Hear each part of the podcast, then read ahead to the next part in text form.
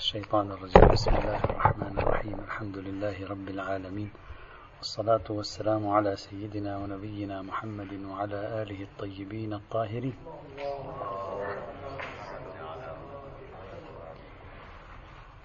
كنا نتكلم في وصلنا إلى الفرضيات الأولية المحتملة في ما الذي يمكن أن يكون مستهدفا بالنقد والتنديد من قبل أهل البيت عليهم السلام تحت مسمى القياس.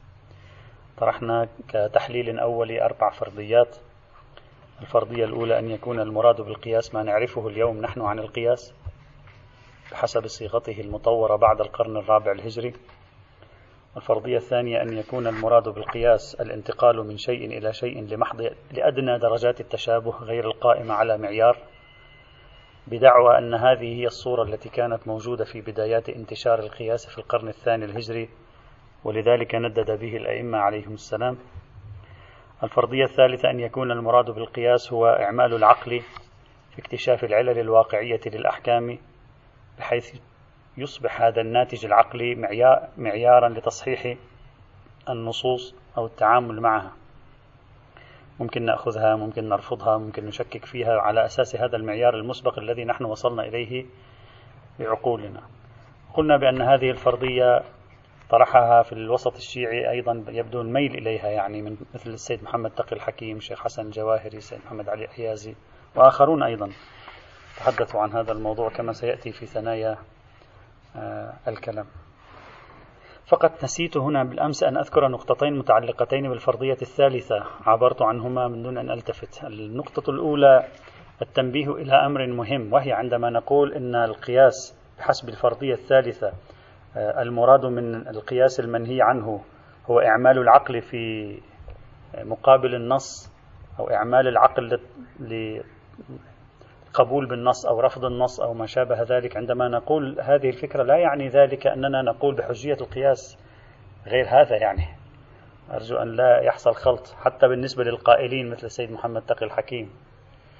آه، آه، بحيث النوع الأول الذي هو إعمال العقل وجعله أساسا ومعيارا في التعامل مع النصوص. هذا ورد النهي فيه. هذا يعلم بعدم حجيته من خلال نهي خاص فيه. أما سائر أنواع القياس التي هي متداولة اليوم بين أهل السنة فنقول بناء على الفرضية الثالثة لم يرد فيه نهي. لكن هذا لا يعني أنه حجة. إذا كان ظنيا هذا لا يعني ابدا أنه حجة. مشمول لعمومات النهي عن الظن مثلا. أصالة عدم الحجية. ما شك في حجيته وعدم حجيته فالأصل الأول عدم الحجية فيه. الآن سنتين أنا سنقول. فإذا لا يعني حصر الفرضية الثالثة بهذا أن القائل يعني يريد أن يدافع عن القياس. لا هو يريد أن يقول المنهي عنه هو هذا المعنى الثالث. غيره ليس منهيا عنه لكن لا دليل على حجيته عنده. فيمكن حينئذ للمنكر للقياس أن يقول أنا أنكر القياس بكل أشكاله غاية الأمر. بعض أشكال القياس التي هي إعمال العقل في محاكمة النص عندي دليل على نفي الحجية عنها. بعنوانها ومحاربة لها بينما الباقي ليس عندي دليل على الحجية. فيكون عمليا لا يقول بالقياس في الجميع غاية الأمر. في بعضه عنده دليل على نفي الحجية في بعضه الأصل عدم الحجية مثلا أو عمومات النهي عن الظن مثلا مثلا. هذه النتيجة مهمة بالنسبة للذي ينكر القياس إلا أن تأثيرها يظهر في الانسداد. الانسداد إذا كان يمنع عن الظن القياسي يعني يقول الدليل الانسداد يعطي الحجية لكل ظن إلا الظن القياسي. والسبب في عدم إعطائه الحجية للظن القياسي العلم بما ورد فيه من نصوص تسلب عنه الحجية. إذا كان كذلك فسيقول إعمال العقل في مقابل النص يعني الفرضية الثالثة هذه الظن القياسي فيها لا قيمة له حتى على الانسداد. أما غيرها يمكن أن يكون له قيمة وبالتالي الانسداد القياس الموجود اليوم كثير من مصادقه سوف يكون مشمولا للدليل حتى لو كان الظن القياسي ليس مشمولا لدليل الانسداد. وهذه ثمرة مهمة عند الانسداد تترتب على هذا البحث أيضا. وإن كان بعض الانسداديين كان عندهم الجرأة وقالوا حتى الظن القياسي هم حجة كما تعرفون بعض الانسداديين حتى الظن القياسي ظن القياسي ليس بحجة في حال الانفتاح لا في حال الانسداد. وهذا موجود في كلماتهم إذا هذه النقطة الأولى التي أردت أن أوضحها في الفرضية الثالثة حتى لا يحدث في ديننا التباس. النقطة الثانية يمكن لنا حتى أن نتوسع في الفرضية الثالثة يعني نصوغها بصيغة أوسع. فنقول المراد من الفرضية الثالثة الأعم من أن يكون عندي نص ويكون عندي معطى عقلي مسبق. أنا من عقلي من قناعاتي المسبقة. فأحكم على النص ثبوتا وعدما قبولا ورفضا على أساس معطيات العقلية المسبقة. هذا أولا. ومرة ثانية لا النص أقبل به على كل حال كما لو كان نصا قرآنيا أو متواترا. لكنني أقوم بفهمه على أساس معطيات العقلية. يعني أطوع النص أتصرف فيه لأجل أن يخضع لمعطيات العقلية. فممكن يكون حينئذ المنهي عنه الأعم من الاثنين معا. من رفض النص حيث يعارض ما عندي من مسبقات عقلية ومن تطويع النص حيث يعارض ما عندي من مسبقات عقلية. طبعا بعدين سنرى هذا في الظن واليقين أو في غيرهما سيأتي إن شاء الله تعالى. هذه الفرضية الثالثة والفرضية الرابعة قلنا أن يفهم القياس المنهي عنه على أنه مطلق التقدير ويكون شاملا لكل قواعد ما لا نص فيه وليس فقط للقياس. هذه بعد أوسع شيء. تشمل حتى المصالح المرسلة والإستحسانات الرأي وما شابه ذلك. هذا ما وصلنا إليه بالأمس. العنوان الآخر قبل أن نبدأ باستعراض المجموعات الحديثية هو المداخل المفتاحية لمعرفة موقف أهل البيت من القياس. بمعنى أنا إذا بدي أعرف موقف أهل البيت من القياس ماذا, ماذا يجب علي أن أفعل؟ هل أذهب مثلا وين أهل البيت قالوا كلمة قياس؟ وأقول هذه هي الروايات التي تنهى عن القياس وبالتالي أجمعها ستتشكل مثلا 10 15 رواية 20 رواية. أقول هذه هي الروايات عن أهل البيت. أو لا ممكن أن يكون المفاتيح ليس فقط كلمة القياس. ممكن يكون عندنا شبكة من المفاتيح التي تطل على الموضوع. هذا هو السؤال. الجواب عن هذا السؤال الذي أطرحه هو أن المعرفة موقف أهل البيت من القياس ليس بواسطة البحث عن كلمة القياس في ألسنتهم فقط وإنما البحث عن كل مفردة يقوم القياس عليها. لأن من الممكن أهل البيت هاجموا القياس بعنوانه وممكن هاجموه بأعمدته يعني أرادوا أن يسقطوه من خلال الأعمدة الأساسية التي يبنى عليها. فقاموا بنقد أساسياته ومرة أخرى قاموا بنقده بعنوانه. هذا محتمل. وبالتالي يجب علينا أن ندخل في الحساب عدة عناوين أخرى كلها محتملة لا أقل يكفينا الاحتمال الآن قبل أن نبحث. ترقب. يترقب أن يكون لها دور ندخل بعين الاعتبار زائدا عن القياس ثلاثة مصطلحات أساسية. المصطلح الأول الرأي. هذا من يهمنا جدا مصطلح الرأي في المقام. سواء الرأي فسر بمعنى الرأي في تفسير النصوص أو الرأي خارج إطار النصوص. لا فرق. ربما يكون هدف أهل البيت من وراء آه، آه، استهداف الرأي وأمثاله تجفيف منابع القياس كما كما يقال. لأن الرأي قريب جدا من فكرة القياس. فعلينا أن نرصد كلماتهم في موضوع الرأي لاحتمال كبير أن يكون لها صلة بموقفهم من القياس. هذه أول مفردة. المفردة الثانية الاجتهاد. كلمة الاجتهاد في القرون الأولى ليست تعني كلمة الاجتهاد اليوم. كما بحث ذلك غير واحد من العلماء. ليس فقط السيد الشهيد الصدر العديد من العلماء تعرضوا لهذه النقطة وأوضحوا أن مفردة القياس قبل القرن مثلا السابع الهجري عند الإمامية مثلا كانت تعني شيء بعد القرن السابع الهجري تعني شيء آخر. اليوم نحن كلمة الاجتهاد كلمة مدح كلمة مجتهد مدح. ويتقاتل الناس ويتصارعوا على أن يأخذوا إجازة مجتهد. أما هذه الكلمة بعينها في القرن الثاني والثالث كانت كلمة ذم. بالنسبة للشيعي الرافض للقياس. فلان المجتهد يعني هذه مذمة لا نقول مجتهد. لماذا؟ لأن الاجتهاد قرين للقياس ملاصق للقياس يشمل القياس أو هو هو القياس أو القياس جزء منه وهكذا. الشافعي في كتاب الرسالة وهي من الكتب الأصولية القديمة عند أهل السنة في كتاب الرسالة هكذا يقول. يقول قال طبعا الشافعي كما تعرفون كل مصنفاته تقريبا كثير من مصنفاته تجري على قاعدة الحوار. يعني على الطريقة الأفلاطونية في كتاب الجمهورية وغير ذلك أيضا والطريقة السقراطية أيضا. فهو كأنما شخص آخر أحيانا يكون فعلا في شخص لكن كأنما شخص آخر يسأل وهو يجيب يسأل وهو يجيب وهكذا حتى تتبلور الفكرة. هذه طريقته. فماذا يقول؟ يقول قال فما القياس؟ ذاك الطرف. أهو الاجتهاد أم هما متفرقان؟ لاحظ الشافعي يشرح لنا مفهوم القياس في القرن الثاني الهجري. يقول قلت هما اسمان لمعنى واحد. ما ماذا يعني هذا النص من شخص مثل الشافعي؟ يعني أن كلمة القياس الاجتهاد إن لم تكن هي عين القياس فلا يكاد يمكنك أن تفصل بين الكلمتين. فإذا أهل البيت انتقدوا الاجتهاد فيجب علينا أن نأخذ بعين الاعتبار أنهم يصوبون سهامهم إلى القياس إما يقينا أو في احتمال خوي كما سوف نرى. وآخر شيء ماذا يقول آخر؟ بعد أن يشرح يقول والاجتهاد القياس. إذا هذا واضح أن مقولة الاجتهاد متداخلة متواججة مع مقولة القياس كما حقق ذلك العديد من الباحثين. المفرد الثالث المهم لنا هنا العقل. إن دين الله لا يصاب بالعقول الناقصة. هذه التعابير. مفردة العقل أم أيضا بالنسبة إلينا مهمة؟ ما هو موقفهم من العقل؟ إذا هاجموا العقل فمن المحتمل جدا أن مرادهم من العقل ذلك العقل مفهوم للعقل الذي كان سائدا في مدرسة الرأي في العراق.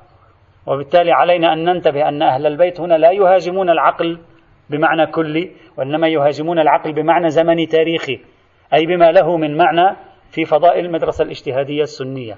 إذا هذا ينبغي أن نأخذه بعين الاعتبار أيضا كما سوف نرى تداخل هذه المفردات وعليه. عندما نبحث في موقف أهل البيت من القياس فنحن لا نبحث في مفردة نحن نبحث في جهاز. يعني جهاز متكامل عدة متكاملة وعلينا أن ننظر في موقفهم من أركان هذه العدة ومن عنوانها ومن كل ما تقوم عليه. فربما تتداخل المصطلحات وتتنوع بهدف اكتشاف ما هو مراد أهل البيت من موضوع القياس.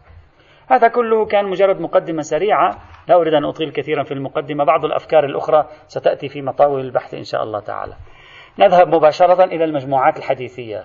ما هي المجموعات الحديثية والروائية التي تحدد لنا موقف النبي وأهل بيته عليهم الصلاة والسلام من موضوع القياس؟ علينا أن ننظر في هذه المجموعات. أولا هل تدل على موضوعنا أو لا؟ ثانيا إذا كانت تدل فما, فما هو مدلولها؟ هل ترفض؟ هل تقبل؟ هل تفصل؟ هل تقيد؟ ثالثا هل لها قيمة تاريخية وحديثية؟ هل يمكن الاعتماد عليها؟ لا يمكن الاعتماد عليها. هل فيها مشاكل في الصدور في المصادر في السند أو لا؟ ورابعا أن نحدد بالضبط ماذا يريد أهل البيت من وراء هذه المجموعات الحديثية التي سوف نستقرئها إن شاء الله تعالى. طبعا لا يخفى عليكم أن السيد الخوئي وكذلك السيد مصطفى الخميني رحمة الله عليهما أشارا في كتاب وغيرهم أي وغيرهما أيضا أشاروا في كتاباتهم إلى أن الروايات الناهية عن القياس 500 رواية تقريبا. 500 رواية تقريبا.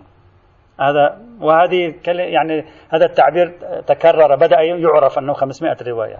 يبدو أن الأصل في ذلك السيد الخوئي في غالب الظن يعني هو كأنما هذا التعبير رائج يعني ظهر في كلام السيد الخوئي وراج.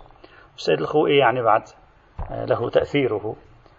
اللطيف أن الشيخ حسن الجواهري وهو يعلق على هذه القضية في مقال له نشر في مجلة فقه أهل البيت آه، في سنة 2001 للميلاد يعني قبل 19 سنة تقريبا أو 19 سنة تقريبا.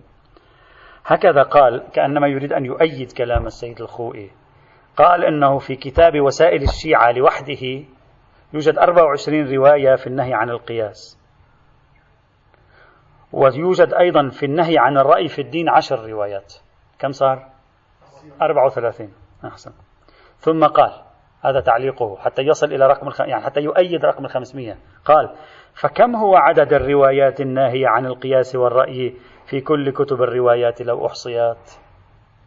يعني إذا فقط في الوسائل عدد الروايات 34 إذا أحصينا الروايات في غير الوسائل كم ستكون؟ إذا ما قاله السيد الخوئي صحيح وهذا ليس دقيقا صحيح؟ إذا في معجم إذا في سيدي نور كان في خمسين رواية لا نقول فما ظنك بغيره ما هو الوسائل فيه ثمانين بالمئة من الروايات؟ يعني لا أقل. فهذه ينبغي أن نأخذها مع الاعتبار يعني كأنما يريد نعم إذا قلت في الكافي يوجد كذا فما ظنك؟ هذا كلام صحيح. لأن الكافي مصدر ليس مرجع المرجع عادة يحوي. إذا قلت لي في المحاسن كتاب المحاسن يوجد خمسين رواية. نعم هذا كلام مية بالمية صحيح. يفتح احتمال أنه في عدد كبير من الروايات. أما تقول لي في موسوعة في موسوعة حديثية قائمة على جمع النصوص من المصادر القديمة مجموع الروايات 34 رواية ثم قال بأنه فما ظنك بغيرها ليس دقيقا في مقام الانتصار للدعوة الكبيرة التي أطلقها السيد الخوئي في رقم 500 نتكلم طبعا. وإلا الروايات ليست قليلة. كما سوف نرى إن شاء الله تعالى. طبعا نحن سنرى هذا هذا الرقم قليل؟ هل هو مبالغ فيه؟ ما هو الواقع الروائي في هذا الموضوع؟ سنرى. المجموعة الأولى من المجموعات الحديثية المتعلقة بتحديد موقف أهل البيت من مقولة القياس. النصوص الناهية عن الرأي. النصوص نجمع النصوص الناهية عن الرأي. توجد مجموعة من الأحاديث تتصل بالرأي ومشتقات كلمة الرأي. بعض الباحثين ادعى أن مثلا حتى بعض الفقهاء مثل الشيخ محمد علي الأراكي وكذلك البوجنوردي قالوا متواترة أو قريبة من التواتر. هذه المجموعة لوحدها. هذه المجموعة لوحدها هي متواترة أو قريبة من التواتر دعي فيها. فما ظنك بكل روايات القياس. هذه متواترة كما طرحوا في هذا المقام. سنرى سنحاول أن نجمع ما يمكننا جمعه من هذه الروايات في المصادر المختلفة لنرى ما الذي يمكن تحصيله في المقام. لكن على أي حال ادعاء التواتر موجود في المقام وينبغي أخذه بعين الاعتبار. مهم هذه الروايات هو الذي يستخدم فكرة الرأي في مساحات متعددة كما سنرى. الرواية الأولى. يعني إذا غاب من يدنا شيء فاعذرنا. ممكن تكون غابت من يدنا رواية احتمال لكن نقول هذا المهم. لكن قاعدة نعمل على الاستقصاء. عادة أنا أعمل على الاستقصاء. بمقدار ما يمكن. إذا فاتت من يدنا رواية ف بعد الله فقط يعلم كم عدد الروايات. مثلا مثلا لا يعني مقصود أن الروايات التي يمكن العثور عليها هذا. لا قد يعثر شخص على رواية غابت عني. شو أنا لست سيدي نور. دليل لا يحتاج دليل. الرواية الأولى. خبر الريان بن الصلت. عن علي بن موسى الرضا عن أبيه عن آبائه عن أمير المؤمنين عليهم السلام قال قال رسول الله صلى الله عليه وعلى آله وسلم قال الله عز وجل ما آمن بي من فسر برأيه كلامي وما عرفني من شبهني بخلقي وما على ديني من استعمل القياس في دينه هذه الرواية المشهورة يعني هذه الرواية. متداولة جدا. مصدر الأصل لهذه الرواية هو الشيخ الصدوق. هو الذي مصدر الأصل الوحيد ليس الأصل الأصل الوحيد لهذه الرواية الشيخ الصدوق بسند واحد كرره في ثلاث كتب في الأمالي في التوحيد وفي عيون أخبار الرضا عليه السلام. هذه رواية ممتازة. النهي عن التفسير بالرأي. إذا الرأي محظور. الرأي محظور. التوقف عند هذه الرواية يكون من عدة جهات. الجهة الأولى ماذا فهم العلماء من هذه الرواية؟ بحسب الحالة العادية التي رأيناها في تتبع كلمات ماذا هم فهموا؟ فلنرى هم ماذا فهموا. ماذا فهموا يؤدي بنا إلى طرح الاحتمالات في تفسير هذه الرواية. وبعدين نرى هل يوجد احتمال مغاير لكل احتمالاتهم أو لا. مثلا الفيض الكاشاني رحمة الله تعالى عليه يقول النهي عن التفسير بالرأي ومنه هذه الرواية وهذه من رواياته الأساسية يفهم على شكلين. ممكن نفسر الرواية هذه بطريقتين. الطريقة الأولى شخص عنده رأي فيعمل في القرآن رأيه. فيعمل في القرآن رأيه.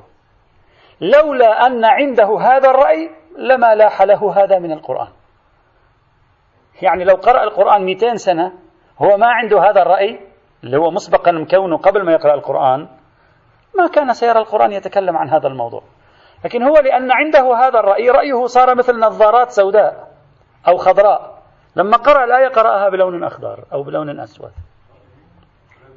فيض الكاشاني.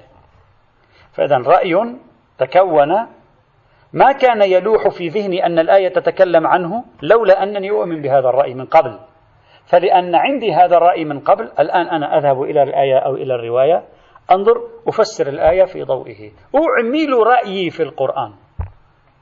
أدخل رأيي في القرآن فأقوم بتفسير الآية وتوجيهها بالطريقة التي تنسجم مع رأيي. هذا معنى النهي عن تفسير بالرأي. الاحتمال الثاني الذي يطرحه أيضا الفيض الكشاني المسارعة إلى التفسير بالعربية. يعني مباشرة أنا أعرف اللغة العربية وهذا القرآن باللغة العربية أفتح القرآن هذا لغة عربية. خلاص أنا ماذا أفهم منه؟ انتهى الموضوع. طيب مقابل ذلك ما هو؟ يقول المسارعة إلى التفسير بالعربية بلا رجوع إلى السماع والنقل يعني دون الرجوع إلى الحديث. أن تذهب أنت تعتمد على اللغة فتفسر القرآن دون أن ترجع إلى الرواية وإلى الحديث. هذا الاحتمالان اللذين يطرحهما الفيض الكاشاني في تفسير هذه الرواية وأمثال هذه الرواية. المحدث البحراني قال التفسير بالرأي هو عبارة عن اعتماد العقل دون الرجوع إلى أهل البيت يعني الظاهر أنه اختار الثاني لم يختار الأول. وقال ادعاء أن كلمة التفسير بالرأي تعني التفسير بالهوى والرغبات وإعمال المصالح. في تفسير القرآن يقول هذا بعيد كل البعد عن الروايات في المقام. جدا بعيد. هذا إذا مهم جدا. إذا الاحتمال الأول أنا عندي رأي أعمل رأيي في القرآن. ولعل المراد من الحالة الأولى هي عبارة عن التفسير بالهوى. أسقط القرآن أسقط رأيي على القرآن وأتصرف فيه. ألوي عنق الحقيقة مثلا في القرآن. والثاني هو عبارة عن استخدام التفسير دون حاجة إلى الروايات. هذه المحدث البحراني يصر على أن الروايات على أن هذه الروايات تريد أن تقول لا تفسر القرآن مباشرة. اذهب إلى الروايات وفسر القرآن من خلال الروايات. استعن بالروايات في تفسير القرآن. هذا احتمال. احتمال ثالث يطرحه السيد شهيد الصدر. سيد شهيد يقول لا يصح لنا أن نقرأ هذه الرواية وأمثال هذه الرواية. من خلال اللغة العربية فقط. التفسير بالرأي ما معنى تفسيره ما معنى رأيه رأيه يقول يجب أن نضع هذه الرواية وأمثال هذه الرواية أين؟ في فضائها التاريخي نضعها في القرن الثاني الهجري. في القرن الثاني الهجري ماذا يفهمون من هذه الرواية وأمثال هذه الرواية؟ ماذا يفهمون؟ يفهمون من كلمة الرأي مدرسة العراق. مدرسة قائمة بنفسها. الآن سيد الشيخ سيشرح لنا ما هي مدرسة العراق. والمدرسة العراق هي العمل بالعقل الظني دون الرجوع إلى المعصوم. العمل بالعقل هذا هو تفسير السيد الشهيد لمدرسة العراق. العمل بالعقل الظني دون رجوع إلى المعصوم. إذا كم كم احتمال حتى الآن هذه أشهر الاحتمالات الموجودة. ثلاث احتمالات أساسية تقريبا ثلاثة أو أربعة أساسية تقوم عليها آه، تفاسيرهم. واحد أن تفسر عن هوى ورغبة منك. ولعل هذا هو مراد من مراد الفيض الكاشاني عندما قال أن تعمل رأيك في القرآن. ثانيا التفسير اعتمادا على اللغة وأمثالها بعيدا عن النقل والرواية. ثالثا التفسير بالرأي بمعنى الاعتماد العقل الظني دون رجوع إلى المعصوم. اعتماد العقل الظني دون رجوع إلى المعصوم. هذه تفاسير الآن بصياغاتها تبدو مختلفة عن بعضها بعضا. هذا أولا هذه النقطة الأولى. هذا تصوراتهم في الموضوع. النقطة الثانية هذه الرواية تتكلم عن تفسير كلام الله تبارك وتعالى بالرأي. ورأينا أنه مفهوم يحتمل احتمالات سأطرح احتمال الآن. سأطرح احتمال. ربما لا يكون يعني مقبولا لديهم غير الاحتمالات التي طرحوها ويمكن أن يكون المراد الفيض الكاشاني من الاحتمال الأول الذي طرحه. ما معنى التفسير بالرأي؟ كلمة الباء هنا في بالرأي بالنسبة إلينا مهمة وهي كلمة تفسير بالرأي المتكررة فسر برأيه يفسر برأيه إلى آخره. فسر برأيه الباء هنا باء الواسطة والوسيلة. يعني قام بعملية التفسير بواسطة رأيه. قام بعملية التفسير بواسطة رأيه. يعني هذه هي الواسطة التي كانت تقوم. هذا الاحتمال ينسجم مع أي فرضية؟ ينسجم مع الفرضية الثالثة من الفرضيات الأربعة التي طرحناها أمس واليوم عدناها أي فرضية ثالثة؟ هي الفرضية التي تقول يأتي نص لشخص هو عنده شيء في عقله إما يرفض هذا النص لمعارضته لما عنده من عقل أو يقوم بإعادة تفسير وفهم النص في ضوء ما عنده هو من معطياته العقلية. لا يعطي النص مجال يعبر عن نفسه. هو يقوم بالتعبير عن النص يفرض رأيه على النص. هذه الفرضية. يعني مواجهة النص بمعطيات العقول. إما رفضا للنص أو تطويعا وتأويلا وتكلفا في تفسير النص. هذا هو الاحتمال الذي نطرحه أن كلمة التفسير بالرأي أي التفسير بواسطة الرأي. فأنت تقوم بشرح الآية من خلال رأيك. فرأيك هو الأداة التي تستخدمها في عملية التفسير ما معنى الرأي؟ رأي يعني ما تراه رأيي يعني ما أراه. ولا تحتاج إلى ليس الرأي وجه يعني أنا مثلا رأي زيد يعني ما يراه زيد. فأنا أفسر القرآن بشيء أراه. أراه متى؟ قبل التفسير. أفسر القرآن بواسطة شيء موجود من قبل أستعين به كواسطة في التفسير. الذي هو عبارة عن الرأي يعني ما أراه. الآن اترك القطع. الآن خلينا في المرحلة الأولى. سيأتي. الآن هكذا أستخدم القرآن. وهذه الرواية الآن على صيغة القطع. سيأتي أن التفكيكيين ممكن يستخدموها. طيب. فالآن إذا قلت منهي أنت عن التفسير بالرأي. ظاهر الكلمة أنني أستخدم ما أراه مسبقا كوسيلة لفهم ما يريده الله سبحانه وتعالى من الآيات القرآنية. وهذا منسجم مع الفرضية الثالثة من الفرضيات الأربعة التي طرحناها. فلا يتكلم كلمة الرأي هنا لا عن الفرضية الأولى ولا الثانية ولا الرابعة وإنما تتكلم عن الفرضية الثالثة في هذا المجال. مثلا تقول فتحت الباب بالمفتاح حملت الأغراض بيدي الوسائل. فسرت القرآن برأيي استخدمته وسيلة للتفسير في مثل هذه الحال. طيب. في ضوء هذا هذا الاحتمال الذي نطرحه الآن أن الرأي وسيلة التفسير نرجع إلى الاحتمالات الثلاثة التي قالوها. أما الاحتمال الأول الذي قالوا فيه أن المراد بالرأي هنا هو الأهواء فالحق والإنصاف أن كلمة الرأي في اللغة العربية لا هي تعني الهوى ولا تعني الشهوة ولا تعني الرغبة ولا تعني الانحراف الأخلاقي. الرأي يعني يرى. من أين أقحم فكرة الانحراف الأخلاقي والتصرف مع الرغبة والشهوة؟ لا ندري. أنا أفسر برأيي يعني أفسر برغبتي لا لا تدل على ذلك. تفسر بما أرى. هلا ممكن يكون التفسير بما أرى؟ الشريعة تقول عنه بأنه غير أخلاقي هذا بعث آخر. لكن لا تعني كلمة التفسير بالرأي أنني أفسر بالهوى أو أنا أريد شيئا من وراء أهوائي الشخصية فأقوم بالتفسير لأجل أهوائي. لا قد يكون شيء رأيته وأقوم بتفسير القرآن في ضوء الشيء الذي رأيته. نعم. نعم نعم. لا الهوى لا أبدا. الهوى أنت تأخذت الجذر اللغوي. الهوى في استخدامها الدلالي تعني أمرا غير أخلاقي. يعني أنا أريد أن أحقق مصالحي رغباتي آه، آه، تفوقي الانتصار لجماعتي. أحب ليس أرى. أحب ليس أرى. أرى غير أحب. أرى غير أحب. لا يتضمن كلمة أفسر برأيي يعني أفسر برغباتي وأهوائي. أبدا. هو حتى كلمة الهوى. أفسر بهواي غير أفسر برأيي. هواي يعني على مزاجي على ما ينفعني على ما يرجع لي بفائدة ومصلحة على ما ينسجم معي ولا ينسجم مع غيري. الرأي الرأي عين. الرأي عين. الهوى ميول. الرأي رأي. أنت الآن كلمة التفسير بالرأي هذا التفسير ذكره الأصوليون لكي يفروا من هذه الكلمة في باب حجية ظواهر القرآن. لا يوجد في الكلمة إشارة إلى موضوع الهوى والانحراف الأخلاقي وإلى آخره. فسر برأيه كما تقول فسر باللغة العربية. فسر بالفلسفة. فسر بالمنطق. فسر بالقواعد الأصولية. فسر برأيه يعني بما رأى. شيء ما رآه من قبل الآن يريد أن يفسر في ضوء هذا الذي رآه من قبل.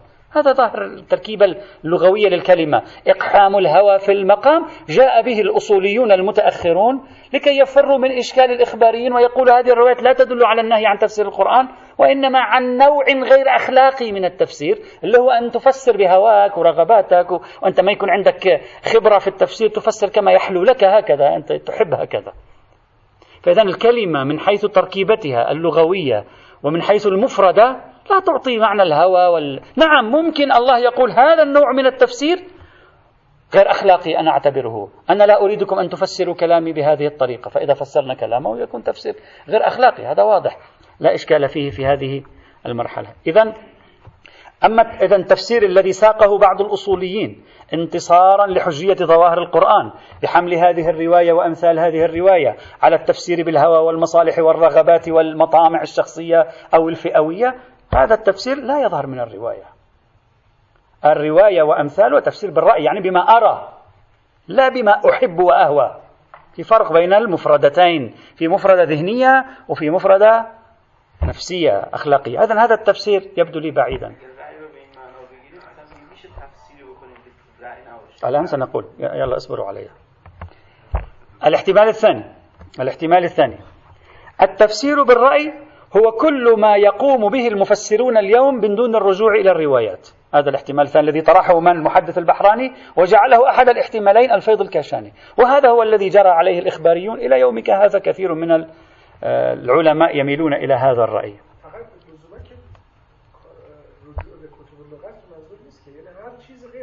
نعم نعم نعم هذا إشارة للعربية. يعني اعتماد على الفهم اللغوي. بعيدا عن الرواية. لا لا العقل الظني. العقل الظني ليس الظهور العرفي. الآن الآن الآن سنصل عند السيد الشيخ لأننا نعلق على واحدة تلو الأخرى. إذا أول واحدة آه، علقنا عليها. الثانية أن يكون المراد من التفسير بالرأي كما قالوا التفسير بعيدا عن الرواية والحديث. فالنهي عن التفسير بالرأي هو عبارة عن كل عملية اجتهادية تفسيرية يقوم بها المفسر خارج سياق الرواية الحديثية. وهذا هو الذي ينسجم مع بعض الإخباريين الذين رفضوا الاستناد إلى النص القرآني بعيدا عن الرواية. الفيض لا يريد هذا المعنى. الفيض يريد أن يكون للصوفي والعارف دور. ولذلك وقعت معركة بينه وبين محدث البحراني نحن لم نتعرض لها الآن. البحراني لا يريد تلك الفكرة. يقول هذه نشأت من ميوله وهو يتعرض له. يريد الفيض الكاشي يترك مساحة مفتوحة. من هو؟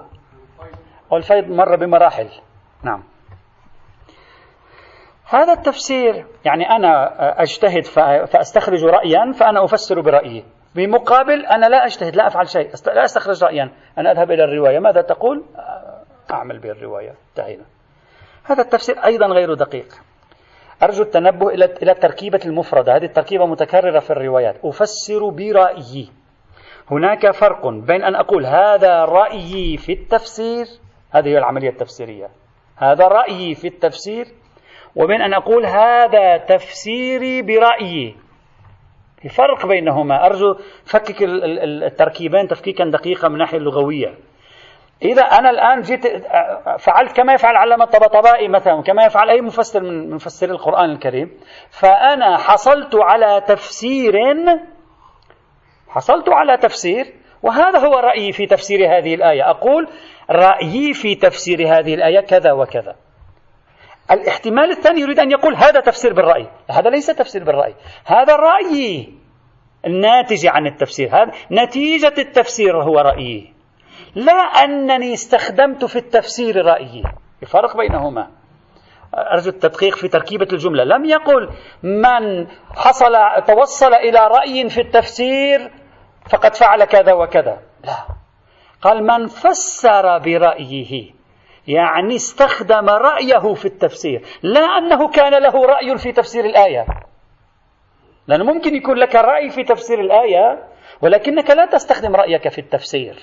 قد تقول لي الآن قد تقول لي شيخنا كيف يمكن لشخص أن يفسر دون أن يكون تفسيره مبنيا على شيء يراه من قبل مثل القواعد اللغوية مثل القرائن مثل الشواهد مثل البحث التاريخي؟ ما كل مفسر هم يعتمد على أشياء ثبتت له من قبل رآها ثم يدخل إلى النص القرآني فيفسر القرآن في ضوء هذه المقدمات. شو في تفسير بدون مقدمات؟ ما في تفسير بدون مقدمات. إذا أي تفسير تفرضه هو تفسير بالرأي. لأنه تفسير بأمر أنت كنت قد رأيته واستعنت به في عملية التفسير. إذن هو تفسير بالرأي. قد تقول ذلك. ولا يعقل لأي شخص أن يفسر دون أن يكون هناك يعني عنده تفسير بالرأي. هذا الكلام ليس دقيقا. لا يعقل لأي إنسان أن يفسر القرآن أو أي نص آخر من دون رأي له في في هذا الإطار. والسؤال هل أهل البيت يفسرون القرآن برأيهم؟ هل أهل هل النبي وأهل البيت هل هذه الرواية قابلة للتخصيص؟ أو لسانها آب عن التخصيص؟ وأهل البيت هم أيضا يفسرون القرآن. هل في أحد يفسر القرآن بدون مقدمة؟ بدون فهم؟ هم أيضا يشرحون لنا أحيانا طريقة فهمهم وهو مقدمات آه، ممكن أن نعرفها. إذا بما أراك الله. لا ذاك ليس تفسرة تحكمه لكن على أي حال يرى شيئا. ما في أحد في العالم يمكنه أن يفسر نصا دون, نصا دون أن يكون له رأي في المقدمات. هذا ليس هو المراد من التفسير بالرأي. هذا لا يفسر برأيه. الذي يفسر برأيه يعني له رأي. ثم يأتي إلى الآية ثم يجعل رأيه في الآية. هذا هو التفسير بالرأي. مش أنه يفسر برأيه يعني عنده يعرف, يعرف معنى الكلمة ثم جاء ليفسر القرآن في ضوء معرفته لمعنى الكلمة. وإلا نحن نفسر كلام الأئمة بالرأي هم أيضا. تفسير كلام الأئمة بالرأي هم أيضا مرفوض. تفسير كلام المعصوم بالرأي هم أيضا مرفوض. أصلا مفردة التفسير بالرأي لا تقبل التخصيص. والأئمة هم أيضا يفسرون القرآن. نقول يفسرون القرآن برأيهم؟ لا. المراد من التفسير بالرأي أنت تكون رأيا. ثم تنظر إلى الآية. فترى أن الآية قد تعجبك وقد لا تعجبك في تناسبها مع رأيك. فتقوم بتطويع النص بما ينسجم مع رأيك. يعني هذه الروايات هي في الحقيقة مبدأ تكرس مبدأ الموضوعية في التفسير. يعني عدم تطويع النصوص عدم تحميل آرائك على النصوص الاستماع إلى النص والأخذ منه لا وضع رأيك في النص. هذا الذي تريده هذه الروايات لا أكثر ولا أقل. مش أن الإنسان إذا قام بقراءة الجملة ففهم منها في ضوء اللغة العربية يكون فسر برأيه. لا يقال فسر برأيه. ولا نحن نفسر كلام أهل البيت برأينا. والتفسير بالرأي كلمة مذمومة. إذا بناء عليه لا يقصد من التفسير بالرأي مطلق أن يمارس الإنسان عملية اجتهادية. بل المراد من التفسير بالرأي. أخذ رأي انكشف لك مسبقا ثم جعله أساسا في تطويع النص وفرض هذا الرأي على النص في هذا المجال. هذا الاحتمال الثاني. أما الاحتمال الثالث فهو احتمال السيد الشهيد الصدر. السيد الشهيد الصدر قال العمل بالظن العقلي دون رجوع للمعصوم. قال هذه هي مدرسة الرأي. طبعا هذه الكلمة آه، هذا الرأي للسيد الشهيد فيه نقطة امتياز قوية جدا وهو أنه يفهم الكلمة في ضوء وضعها التاريخي وهذا مهم جدا. يفهم الكلمة في ضوء وضعها التاريخي وهذا جدا مهم وصحيح أيضا. لكن السؤال ما معنى يعمل بالظن العقلي دون رجوع للمعصوم؟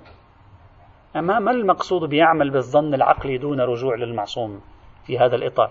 إذا كان يقصد السيد ماذا يقصد بال... السيد الشهيد يريد أن يحمي التفس... يريد أن يسمح للعقل أن يفسر. لكن يريد أن يستبعد الظن فقط. هكذا هو مراده. يريد أن يستبعد الظن. أولا كلمة التفسير بالرأي لا تتضمن مفهوم الظن.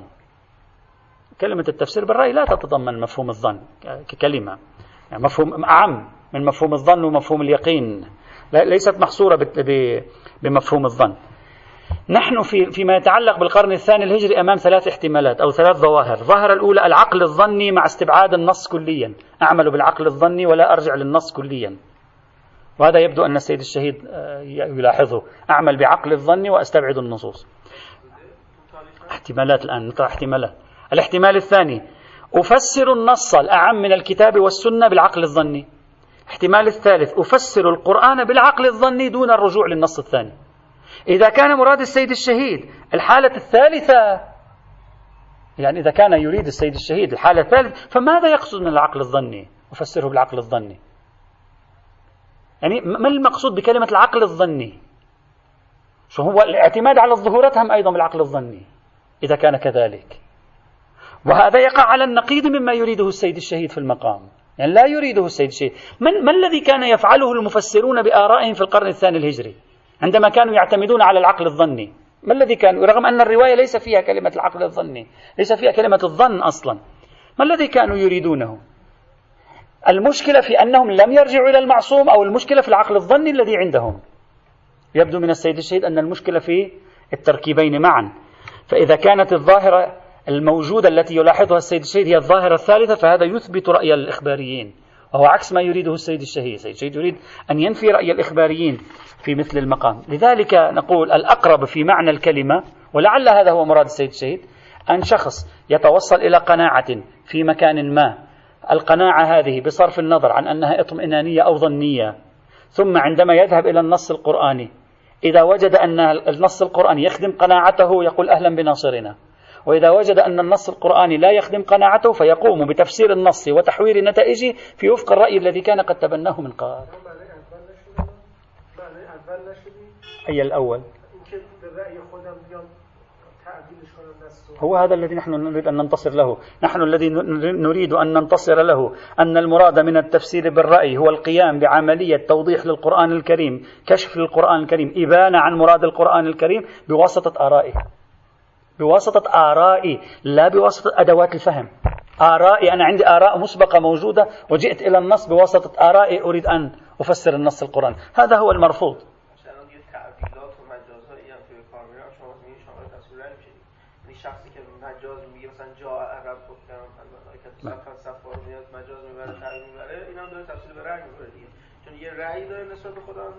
ظاهر ظاهر الرواية هكذا. نعم. ما لم يقل العرب تفهم هذا. ما لم يقل إن الفهم اللغوي ينبغي أن يكون كذلك وأن عندي قرينة من داخل القرآن. ولذلك قلت التفكيكيون يمكن أن يستفيدوا من هذه. إن لم تكن هذه المعطيات العقلية معطيات بديهية بمثابة قرائن متصلة نعم نعم. إذا كان لم تكن كذلك مشكلة. إلا أن يكون في داخل النص قرينة. يعني مثلا عندما تأتيني آيات قرآنية تتكلم عن التجسيم لا أستطيع أن أقول اكتشفت أنا بعد أربع قرون أن التجسيم مستحيل على الله أقول لا لا يمكن أن تكون هذه تريد التجسيم لأنه مستحيل. فيجب أن أفسرها كيف؟ هذا تفسير بالرأي. أنت عندك برهان عقلي على رأيك براحتك. برهانك العقلي لك القرآن ماذا يقول؟ لعل القرآن يقول عكس برهانك العقلي. شو المشكلة؟ لا أستطيع أن أجعل القرآن دائما هو المغلوب أمام أنا براهين العقلية المسبقة. يجب أن أفتش. نعم ممكن برهان العقل هذا يدفعني للتفتيش في داخل النص على قرينة تكشف لي أن ما كنت أفهمه قبل مجيء البرهان كان خطأ. فأكتشف مثلا بعد آية إلى ربها ناظرة أكتشف مثلا لا تدركه الأبصار. فأضع هذه مع هذه ألتفت إلى أنه لا يوجد في القرآن دلالة على التجسيم. من داخل القرآن هو يتكلم يعبر عن نفسه. مش أنا أعبر عنه. أو إذا جاءتني ثلاثين أربعين رواية كلها تحتمل آه، خرق العصمة كلها تشير إلى وعصى آدم ربه فغوى إني كنت من الظالمين إلى آخره. إذا كانت كذا أستطيع أن أقول أنا عندي برهان اسمه برهان الوثوق. يدل على ضرورة عصمة الأنبياء. إذا كل هذه الآيات أنا يجب علي أن أعدل فيها وأغير فيها. هذا يجب أن أفسرها. أحملها على محمل أنه لو كان خلاف الظاهر كما تعارف على ذلك كثير من المتكلمين. هذا لا معنى له. القرآن ليس له لسان حينئذ. أنت الذي تتكلم باسمه. وربما تكون مخطئا وربما تكون مص... فلا بد أن أنظر في آية مثلا مخلصين فأجعلها قرينة. إذا توفقت في أن أعثر من داخل النص على ما يبين أنه لا يريد أقول عقلي دلني على العصمة القرآن دلني على عدم العصمة القضية عالقة لا أعرف ما النتيجة. هذا حق الموضوعية في المقام. لا أن أخضع القرآن لما توصلت إليه بعقلي. ولا أخضع عقلي لأن القرآن قال ذلك أيضا. لأن لا أستطيع أن أفر من البرهان. البرهان أيضا محكم. فيجب أن أجعلها قضية عالقة إلى أن يفتح الله عليها. وهذا هو الصحيح. وإلا هو تفسير بالرأي. هذه فكرة التفسير بالرأي. التفسير بالرأي إذا نتيجة إلى الآن إلى الآن إلى الآن.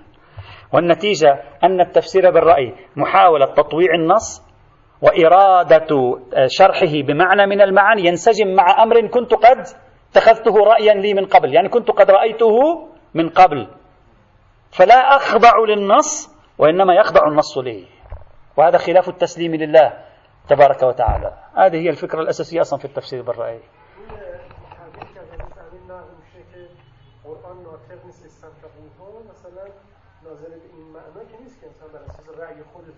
ما ليس ناظرا. إذا صحت هذه ناطق ناطق القرآن ليس صامتا. القرآن ناطق. إذا صحت تلك في عليها نقاشات ما معنى استنطاق القرآن الوارد في كلمات الإمام علي؟ يوجد مقالة منشورة طرحوا فيها لا أدري لباحث إيراني. نسيت اسمه الآن. مقالة منشورة يطرح فيها جميع الاحتمالات ما معنى الاستنطاق النص القرآني؟ لا تستنطقوه. النهي عن استنطاق النص. ما معنى النهي عن استنطاق النص؟ أظن نحن ترجمناها لا أدري في أي عدد قبل عشر سنوات ربما. نسيت. فعلى أي حال تلك هم أيضا محل نقاش. ما معنى النهي عن استنطاق القرآن؟ هي جزء من ال... إذا هذه النقطة الثانية. إذا النقطة الأولى شرحنا فيها تصورات العلماء. النقطة الثانية رجحنا أن يكون المراد بحسب تركيب الجملة هي أنني أقوم برؤية شيء ما ثم أقوم بجعل هذه الرؤية وسيلة في فهم النص القرآني. في مقابل أن أجعل النص يحكي عن نفسه بأدواته هو ببياناته هو أنا أتكلم عنه. في بعض الأماكن صارت هذه القصة عندنا في لبنان. مثلا لا أريد أدخل في التسميات. مثلا شخص ما شخص ما يقول أنا يمكنني مثلا أن آخذ مال فلان لأنه جائز من الناحية الشرعية. فيأتي مثلا مرجع مثلا مرجع أو شخصية علمائية كبيرة فيقول لا يجوز ذلك بأي شكل من الأشكال وهذا حرام إلى آخره. فذاك الشخص ماذا يقول؟ هو يريد أن يأخذ مال ذاك. يقول نعم هو قال ذلك لكن في الحقيقة لا هو يقصد شيء آخر. هذه هي فكرة التفسير بالرأي. هو يرى شيئا ويريد أن يفسر أي كلام يأتي لا ينسجم مع رأيه بالضرورة وبالقوة يريد أن يجعله على مقتضى رأيه ومقتضى كلامه. وفي الحقيقة هذه الفكرة جوهرها الأخلاقي مبدأ التسليم لله سبحانه وتعالى. وفي المجال العلمي مبدأ الموضوعية. اترك الذي يريد أن يتكلم يتكلم هو لا أنت تتكلم عنه. ما زلنا بعد في خطوات لأن هذه الرواية سأتوقف عندها بعدين سائر الروايات سوف يتضح أمرها أكثر. النقطة الثالثة في هذه الرواية ونسير يأتي إن شاء الله الحمد لله رب العالمين.